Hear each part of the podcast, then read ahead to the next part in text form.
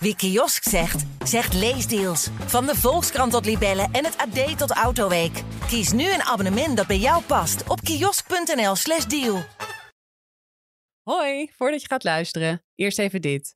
Als je de Parool Misdaad podcast leuk vindt, dan ben je misschien ook geïnteresseerd in de andere podcast van het Parool.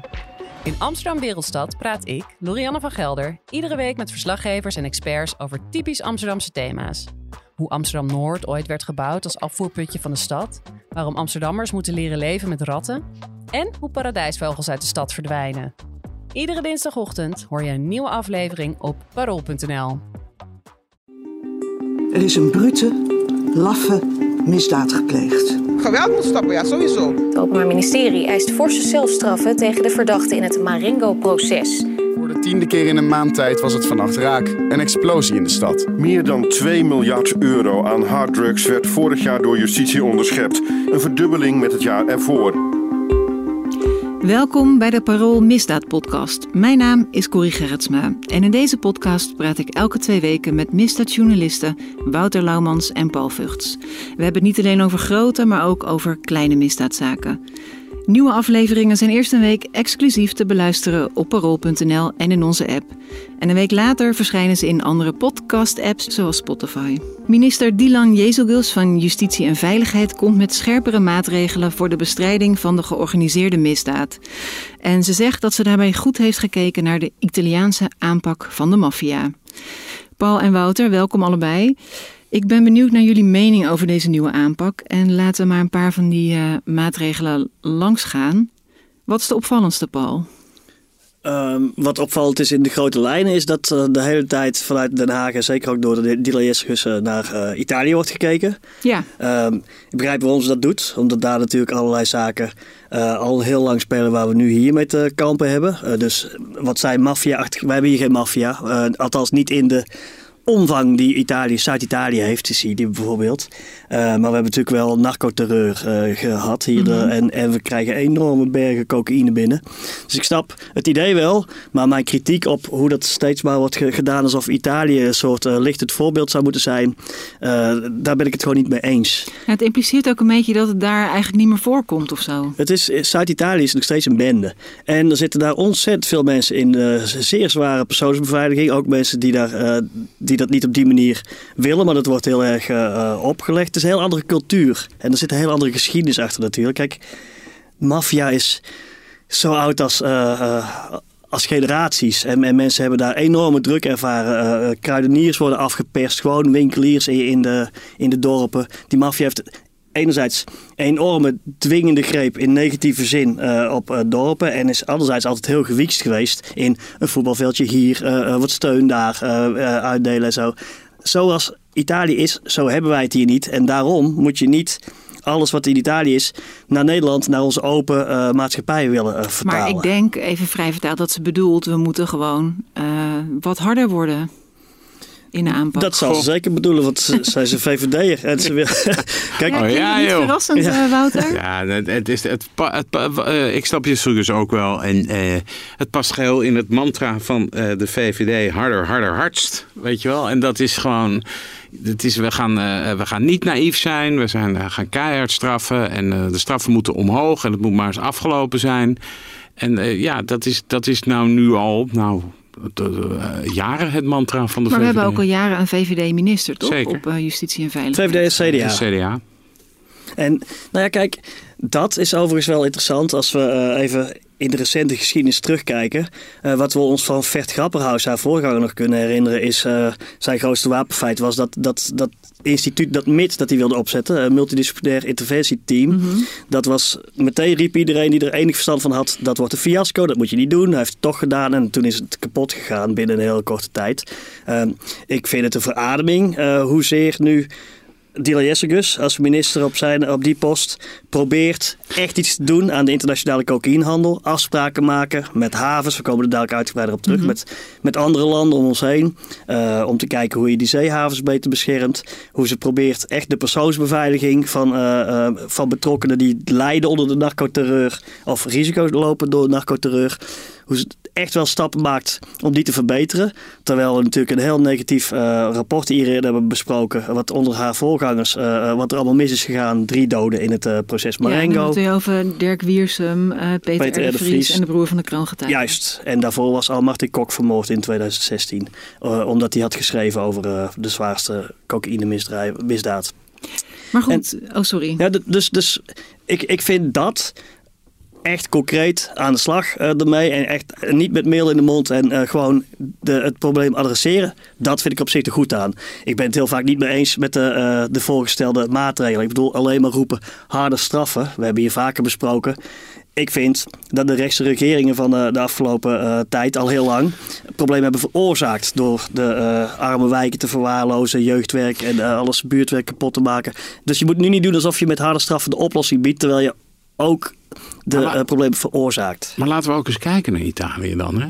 Dus kijk, uh, wat de minister zegt is van... Uh, hij heeft een interview gegeven in de NRC. En die zegt in dat interview met de kop... ik heb behoefte aan een boos volk. Dus mm -hmm. dat, dat is kennelijk de, de behoefte.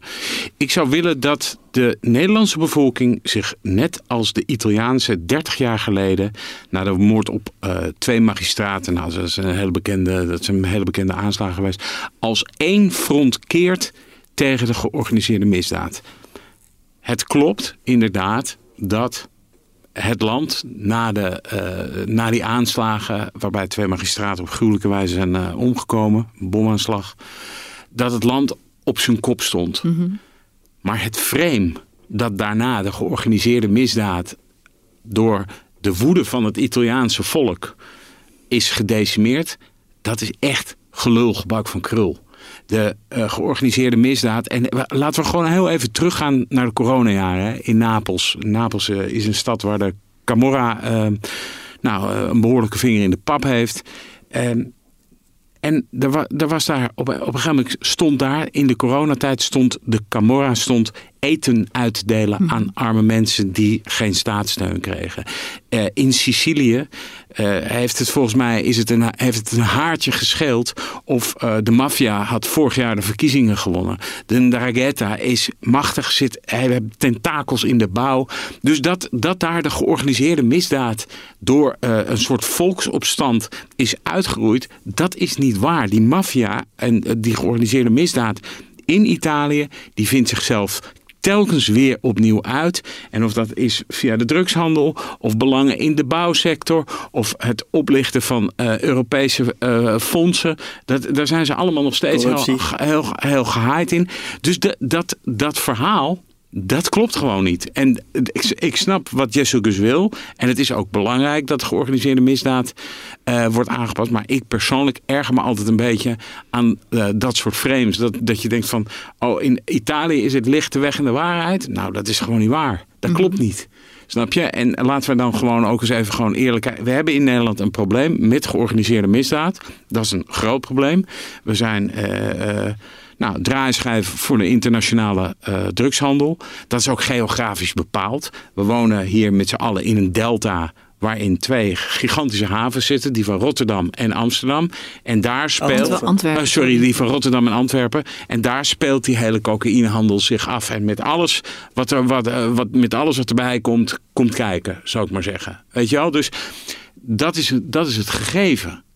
Snap je? En ik denk ook wel eens van, nou, goh, misschien uh, het aantal verwarde personen op straat. Dat vinden ze ook misschien wel een groot probleem. Het, je continu richten op die zwaar georganiseerde criminaliteit. Nou, ik doe het ook als journalist, dus ik, ja. bedoel, ik ben, ben, wat dat betreft geen heilige. Maar ik denk wel eens van, ja, dat, dat maakt ook dat je daarmee politiek kunt bedrijven. En hier wordt politiek bedreven. En dat moet je niet vergeten. De andere kant van het verhaal overigens is wel dat we hier ook aan deze tafel vaker besproken hebben. Dat, dat het eigenlijk verschrikkelijk was dat toen Martin Kok als misdaadblogger werd vermoord, uh, december 2016, in Den Haag eigenlijk uh, niet echt gereageerd werd. Dat was daar geen issue. Toen de broer van de kroongetuige werd vermoord, uh, een onschuldige broer, uh, door een kroongetuige die door de staat was gepresenteerd, heeft het heel eventjes wat rimpeling in de vijver opgeleverd en toen ebde dat weer weg. Toen Dirk Wiersum, de advocaat van de kroongetuige, werd vermoord, toen ineens was zelfs iemand als Grapperhaus wakker voor even. En dan, nou ja, we hebben lang in de leader van de Tachi-podcast zijn uitspraak gehad. Ja. Dit is een aanslag op de rechtsstaat. Maar ook dat hebt steeds weer weg. De op Peter R. de Vries heeft natuurlijk de maatschappij maximaal geschokt. En toen zag je duizenden mensen bij Carré die afscheid wilden nemen en zo. Ik snap in dat opzicht dat je denkt we zouden wel het geheugen willen vasthouden, snap je? Alleen inderdaad, wat Wout zegt, om daar vervolgens politiek, alles wat je dan van plan bent, uh, ermee te willen uh, onderbouwen. Van, uh, ik, ik mis de woede, dus ik doe het zelf maar, zeg maar. Dat is, we zijn helaas een woedend landje. de hele tijd is iedereen boos om van alles en nog wat. Uh, ik zou willen gericht maatwerk dat in, geschikt is voor Nederland. Uh, ja. Stevige maatregelen die geschikt zijn voor Nederland. Dat zijn vaak heel andere maatregelen dan die geschikt zijn voor Italië. Dat inderdaad geen licht het voorbeeld is. En ik zou zeggen, pak wat is slecht Nederlands best practice heet. Pak de beste dingen uit andere landen ja. en ga daarmee aan de slag. Ja, en, en het mantra strenger straffen. En ik bedoel, er, er is, hè, als je voor drugsdelicten, de straffen moeten daar fors omhoog. Volgens mij van 12 naar 16. Ja, voor het hebben van harddrugs van 6 naar 8. Ja. Voor het handelen en produceren van 8 naar 12, maximum. Hè? Smokkel van 12 naar 16. Van de grote partijen. Ja. Van 12 dat zijn wel echt hoge cijfers, toch? Hele, nee, maar weet je wat je daarmee ook doet? Daarmee trek je natuurlijk ook een soort disbalans door ons bestaande strafsysteem. Hè? Dus, als je, dus als je zegt van nou oké, okay, een enkelvoudige moord is uh, 1820 hè, jaar.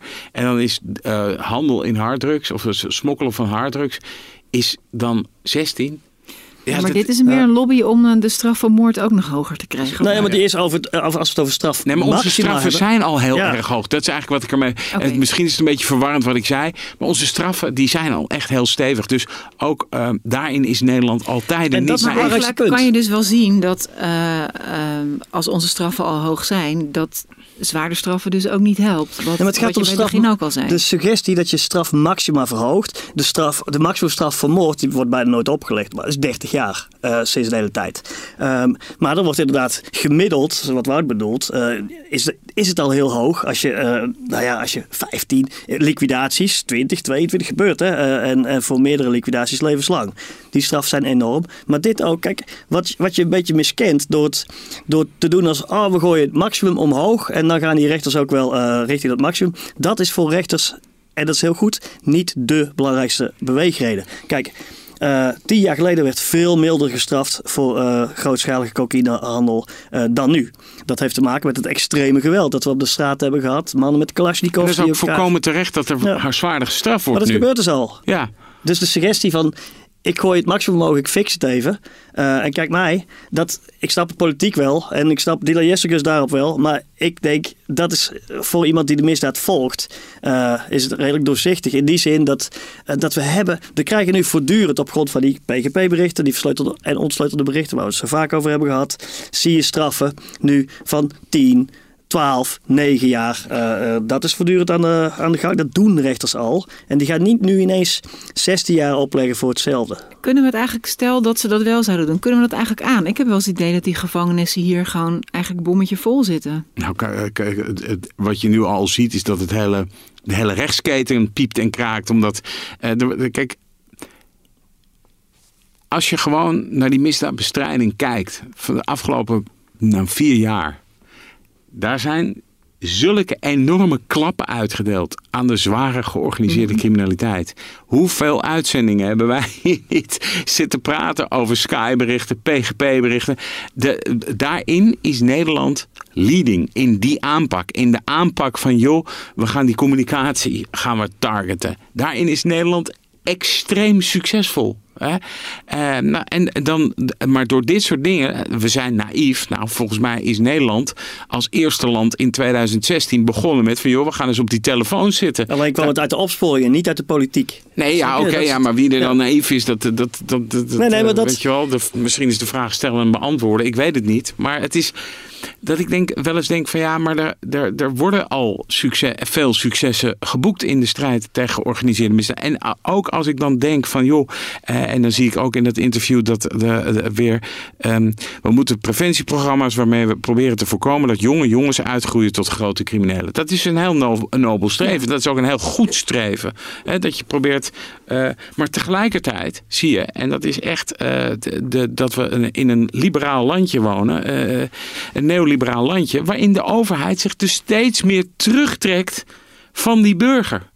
Dus die zegt, ja, joh, succes is een keuze. Zoek het allemaal maar zelf uit. En, eh, en als je veel geld hebt, dan ben je een held. Ja, en dat, dat, dat resoneert ook in die wijken. Dus geld is een soort doel aan zich geworden. Eh, ja, en eh, daar ga ik, ga ik niet de politiek de schuld van geven. Maar als je dan als, als samenleving zegt... joh, we trekken onszelf terug uit die wijken. En ja, we hebben wel wat programma's waarin we uitleggen... joh, als je, als je uithaler wordt, kan je achter de bouten belanden. Ja, ik weet niet of dat, of dat echt, eh, echt stichtelijk werkt. Snap je? Wat overigens interessant is nog, eh, als we het hebben over hoogte van straffen en eh, daaraan willen draaien eh, met maximumstraffen, is een parallelle eh, beweging die er is gekomen, juist doordat er zo'n enorm succes is geboekt door de opsporing met het uitdelen van klappen aan de zwaarst georganiseerde misdaad, is het een redelijk nieuwe fenomeen procesafspraken. Ja. Procesafspraken zijn bedoeld om processen die heel erg lang zouden duren, met heel veel verzoeken van de verdediging, veel korter te laten duren, om die enorme stapels van de rechtbank en het OM weg te krijgen. Maar wat gebeurt er met procesafspraken? Als jij een deal maakt met justitie, eh, dan krijg jij een veel lagere straf. Je gaat akkoord met, eh, oké, ik begin eh, schuld, Maar ik doe niet moeilijk. Is dat, ik wou het zeggen, is dat eerlijk voor een verdachte? Maar goed, als er, als er uitkomt lagere straf, klinkt dat eh, gunstig. De verdachte heeft dezelfde keuze. Hè? En Ja. verdachten doen het. Ook grote jongens doen het momenteel. En weet je wat de kern is van die, veel van die procesafspraken? En nu zullen mensen zeggen dat is niet waar, maar het is wel zo. Het geld. Er wordt die Maar er wordt bespaard uit, door ja, de, door een beetje gevangenisstraf, maar het geld, de ontnemingsvorderingen, Ja. dat zijn altijd de, de sleutelpunten. Hè. Dat is altijd van, joh, ik wil best wel even vijf jaar gaan zitten, maar niet in mijn geld gaan komen. Hè. Dat is altijd het dingetje. Maar die twee dingen die, die spelen nu door, door elkaar. Eh, Wout, ik heb er eh, een paar stukken aan gewijd. En we zitten wel meer bij die zaken ook. We volgen dat. Eh, dus wat je probeert. Dus als, vanuit de verdachte gezien. En die kan ook kiezen om het niet te doen. Maar vanuit de verdachte gezien is. Je hebt snel duidelijkheid. Je hebt een relatief Ja, maar laag. het klinkt een beetje alsof je dan niet het goede proces voert of zo. Nou, Nou ja. dus niet alle rechters vinden het ook leuk, want in feite wordt natuurlijk de rechter bij het spel gezet. Want Ja, je handelt het af met het. Openbaar Ministerie. Jawel, maar dan moeten de rechters die kunnen Ja, iets tuurlijk. anders volgen. Kijk, de Hoge Raad heeft wel inmiddels gezegd, want in het begin hebben rechters dat gezegd. Wat moeten we hiermee? Want Ja. eh, hallo, jullie zijn er al uit. Wij hebben hier ook nog iets over te zeggen.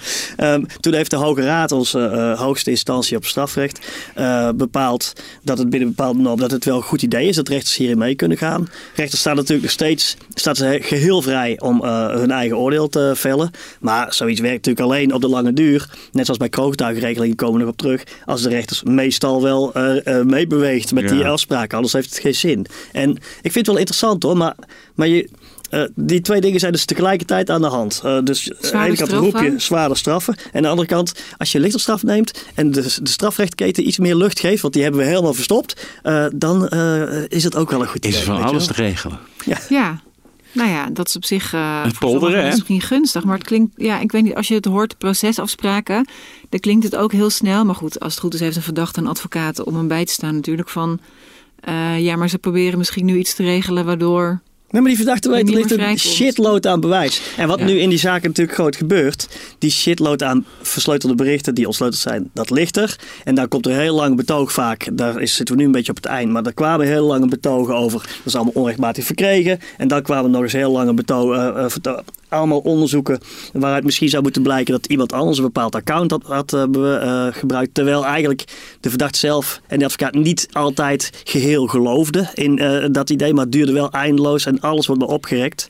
Maar zit, Dat verstopt ook de keten. zit het, dat- zit, door die verstopte keten zitten daarom mensen ook heel lang in voorarrest, Ja. verdachten? ja, en dat is een van de. Dus een voordeel voor de verdachte is snel duidelijkheid ook. En een voordeel voor het systeem is dat ellenloos, ellen- eindeloos procederen en allerlei zaken duren maar gewoon twee, drie dagen. En je eh mega zaken. En je hebt het, kan- het rare woord mini-mega heb je ook nog. Dat is- Mini-mega. Ja, dus Ja, je, lijkt kan, me. je kan die hele, die hele zwaar georganiseerde misdaad, die natuurlijk voor een heel groot deel draait op drugshandel. ehm, kun je natuurlijk heel, ehm, nou ja, heel ambtelijk en heel juridisch bekijken. hè. Dat is één manier om eruit te kijken. Je kan het ook heel economisch bekijken.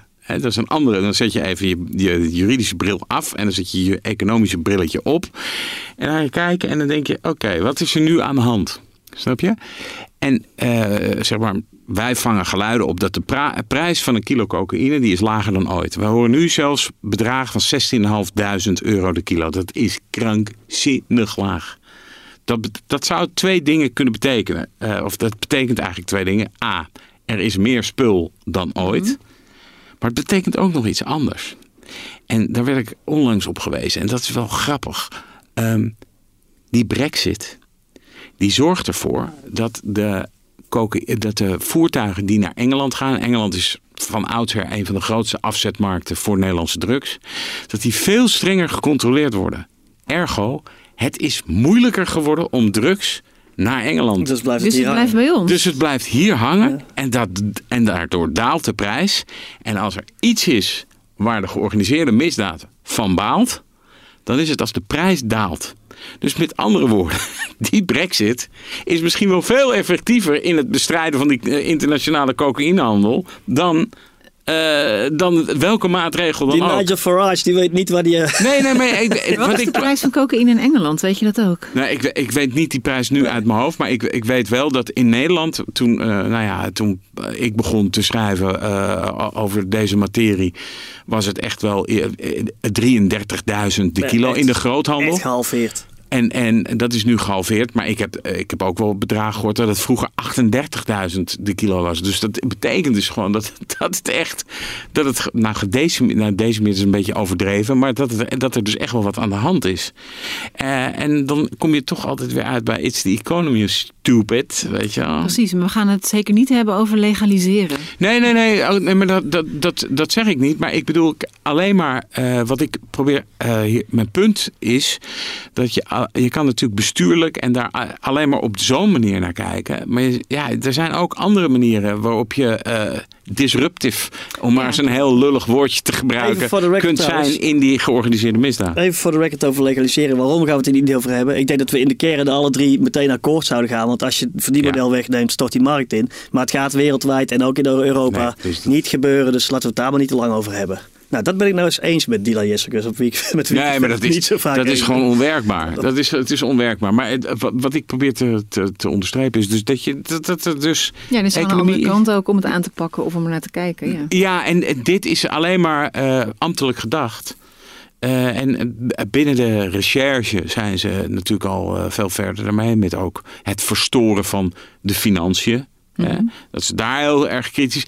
En de politiek zal altijd zeggen, we moeten meer afpakken. Ja, dat snap ik wel, want het staat leuk Geld op, op, op het cv. Als we Dus zeggen, nou, we hebben, geld. vorig jaar hadden we 20 miljoen en nu hebben we 120 miljoen. Uit zee. Maar je kan natuurlijk, als je, het, als je zo'n financieel netwerk verstoort, waardoor dus eh, mensen geen zaken meer met elkaar kunnen doen, dan heb je weliswaar niet veel afgepakt.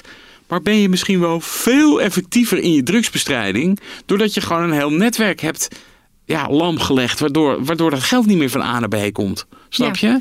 Een van de eh, voorstellen ook van eh, de minister is, eh, dan moet ik het even opzoeken, dat het kabinet structureel wil gaan investeren in de recherchecapaciteit, zodat ze gerichter die criminele machtsstructuren eigenlijk kunnen opsporen en aanpakken, in plaats van de opsporing en vervolging van alleen de individuele kopstukken, waar we misschien Taghi als voorbeeld kunnen nemen of Bolle Jos. Nou, daar gebeurt het inderdaad bij. En dat is, dat is een goede ontwikkeling. En dat is ook niet helemaal nieuw. Daar wordt nu al heel druk aan gewerkt. We hebben er eerder in eh, andere afleveringen ook wel over gesproken. Het heet eh, ACM, wordt het nu geno- genoemd. Aanpak criminele machtsstructuren. Eh, dat is dat je probeert niet alleen de, de kingpin te pakken, zoals bijvoorbeeld verondersteld. Hij moet nog veroordeeld worden, of niet. Eh Ridwan Taghi verondersteld Bolios, die nog voortvluchtig is. Maar gewoon de hele kliek eromheen langzaam afbreekt. En dat, dat zien wij ook. En we merken het in het, eh, in het milieu. Daar zijn mensen van in de stress. Dus dat werkt heel goed.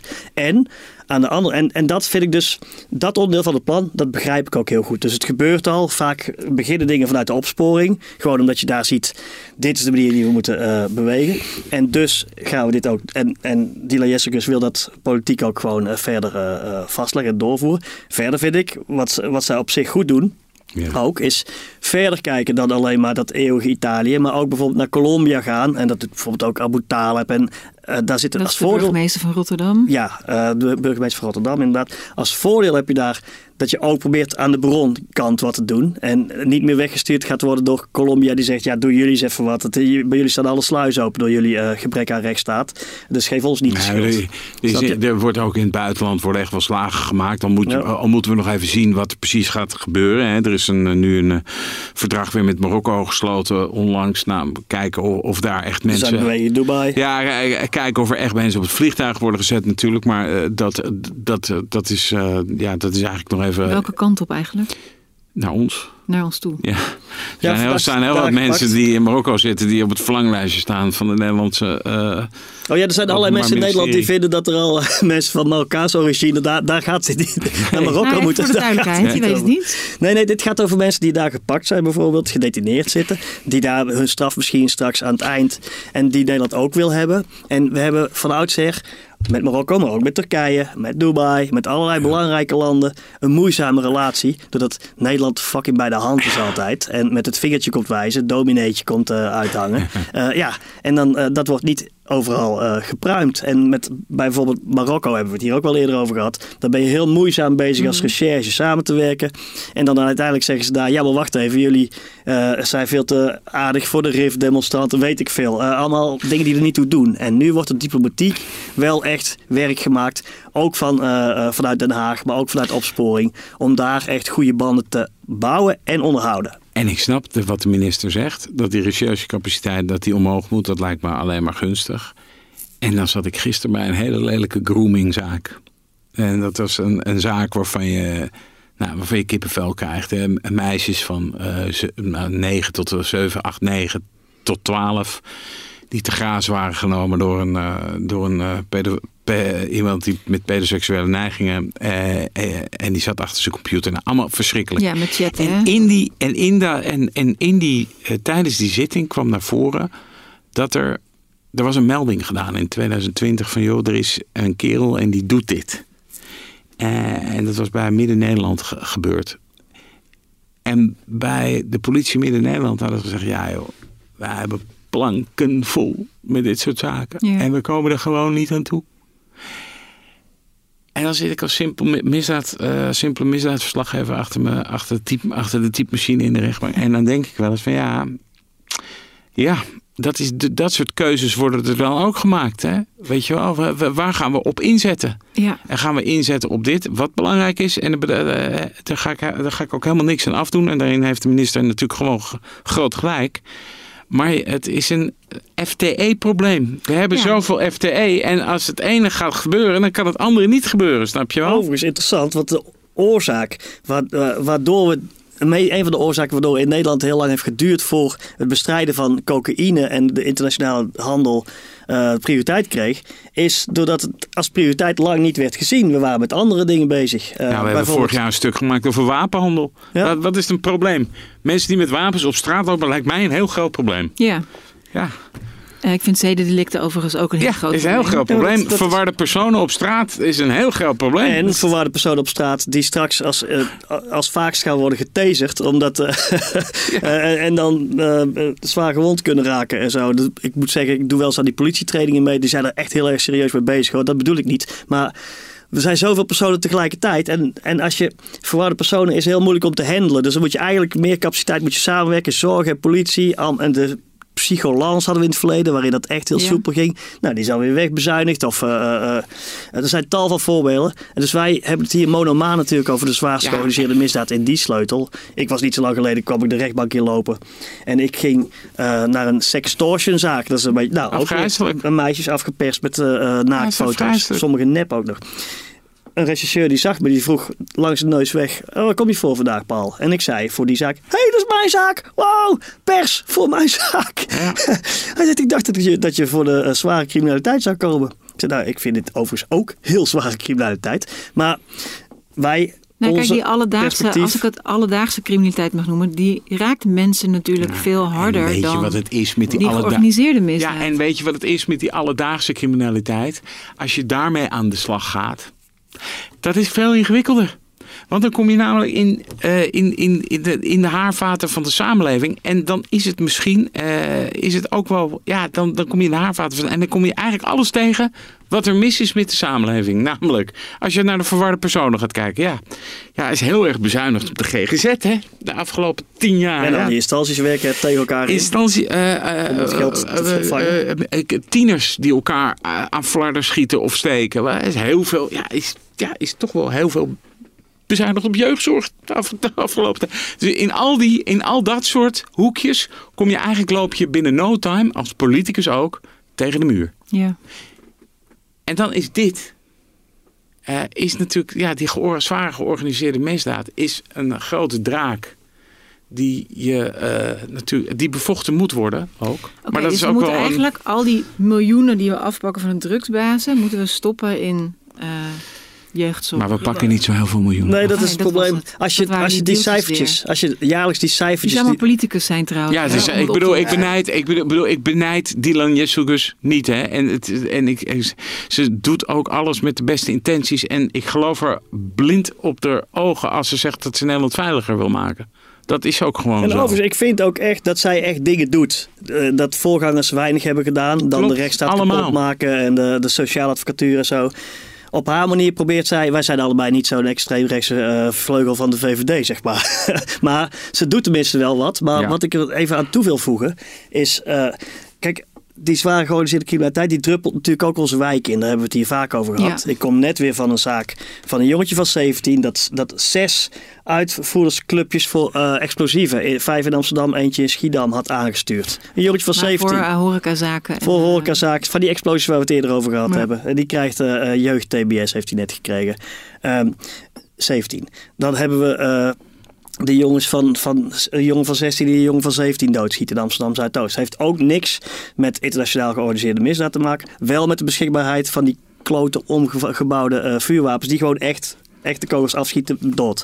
Ehm, ik was eerder, eh, Wouter en ik zijn voortdurend bezig met andere uitwassen in onze wijken. Bijvoorbeeld, eh, we komen dan net weer van, van de zaak van Joey A.K., de gangsterrapper. Die, die bling bling, waar Wouter het al over had. Dat extreem materialisme Ja, geld, heel geld, erg geld. uit. Een mooie auto, mooie klok en je kunt het winnen. Als je bij mij aansluit, dan gaan we samen. Ga jij uithalen in eh, Antwerpen. Dat zegt hij natuurlijk niet zo. Maar dat wordt die groep toegedicht. Daar, dus je moet en-en doen, maar er zijn veel slagen te maken. En nu is voor het eerst eigenlijk de zware Amsterdamse recherche aan het samenwerken met de wijkagenten, maar ook allerlei eh, instanties en, jeugdwerkers in Zuidoost en met de arbeidsinspectie en weet ik veel.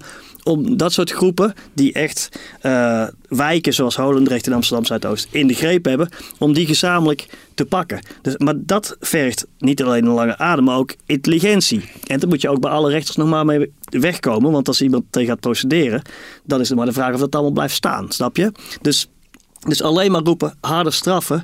ehm, dat, dat, daar hebben we het niet alleen maar aan. En dus daar vind ik ook als Jessicus nu zegt, ook meer op preventie. Oké, doe dat in elk geval dat soort programma's eh, ook breder.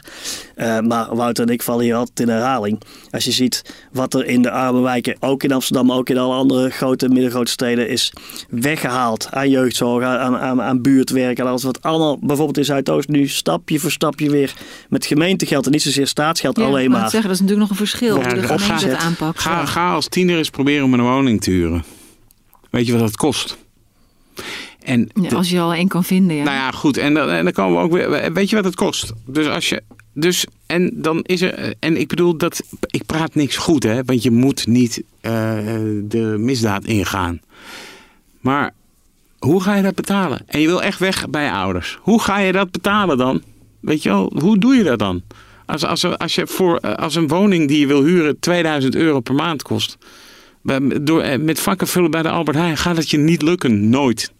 Dat is, dat is de neoliberale staat waarin we wonen hè, met z'n allen. Dus je kan wel gewoon zeggen, ja, dit moet je niet doen, dat. Ja, oké, maar ondertussen staan er echt veel mensen met hun rug eh, tegen de muur. En die sommige van die mensen eh, eh, nemen verkeerde beslissingen. En sommige mensen doen dat omdat ze de huur niet kunnen betalen. Andere mensen doen dat uit geldelijk gewin, omdat ze zo snel mogelijk 20 Rolexen in een kluis willen gooien. Ik bedoel, die, die motieven, die zijn legio. Wat dat betreft zijn het net mensen, hè? Het zijn net mensen. Eh, net als onze minister gewoon. eh, ook En zo is het ook. Oh, dat, maar, dat, dat ehm, misschien kan ik daar nu even het bruggetje maken naar eh, het, het laatste punt dat we ook willen eh, behandelen. De persoonsbeveiliging en alles wat daaraan eh, gedaan moet worden. Want dat loopt hier allemaal nog parallel aan. Als je hebt over capaciteit willen investeren. Nou, ik heb eerder eerder verteld, toen ik zelf in de zwaarste persoonsbeveiliging zat, was de enige persoon in heel Den Haag, was Jesserkus, die, die zich er echt druk om maakte als Tweede Kamerlid. Nu is zij minister en is ook daar op allerlei vlak eh, echt, echt druk mee eh doende. Dat, dat, En dat doet ze merk ook ik. echt. Ik zie het ook allemaal Ja. gebeuren. Ik spreek daar ineens mensen over die eh, die mij benaderen als voormalig uh, beveiligd persoon om, Ja. om daarover mee te praten. Eh, alleen dan zijn we weer bij de capaciteitsvraag. Je kunt niet en eh, eh, de recherche hier en daar versterken en de, eh, of de intel op het vlak van eh, persoonsbeveiliging en op de drugs. En dus je, hoe je het ook weer verkeerd, je blijft de hele tijd struggelen met capaciteitsproblemen. En daardoor moet je slimmer zijn, zowel in de persoonsbeveiliging, maatwerk, vindt zij ook wel, maar maatwerk leveren, als in eh, hoe kun je, al dan niet met procesafspraken en ander soort maatwerk, die rechtsgang weer op gang brengen. Eh, en alleen dat is veel moeilijker uit te leggen eh, in interviews dan te roepen: Weet je wat we doen? Straf maximaal omhoog. En eh, kijk ons nou eens dit ge- gefixt hebben. En dat weet iedereen. En ik weet ook wel hoe Den Haag werkt, een heel klein beetje. Maar dat, dat is dan wat wij vanuit onze portefeuille er tegen in kunnen brengen. Het is, nogmaals, ik, ik, ik vind echt. dus, De minister meent dit, die wil dit echt op deze manier bestrijden. Maar dat gaat dan gepaard met, omdat het politiek is met van die retoriek en het roepen over harde straffen. Dat vind ik gewoon niet fair. Maar goed, dat, hebben we, dat is eigenlijk een beetje de rode draad van wat wij altijd vinden. En wat voor deze eh, aflevering van de podcast al over voetlicht willen brengen. Maar je zult maar op die plek zitten, dat lijkt me ook geen feest. Het lijkt me ook geen feest. Laat het daarbij houden. Want wat wel een feest is, is dat wij er over twee weken gewoon weer zijn met een nieuwe Misdaad-podcast. Vragen en opmerkingen mail ze naar misdaad.parool.nl. En wil je meer misdaadverhalen lezen van Paul en Wouter? Download dan de app van het Parool of ga naar onze website parool.nl. Mijn naam is Corrie Gerritsma en deze podcast werd verder gemaakt door Wouter Laumans en Paul Vugts. Met dank aan Daan Hofstee en Josien Wolthuizen. Dank voor het luisteren en graag tot over twee weken.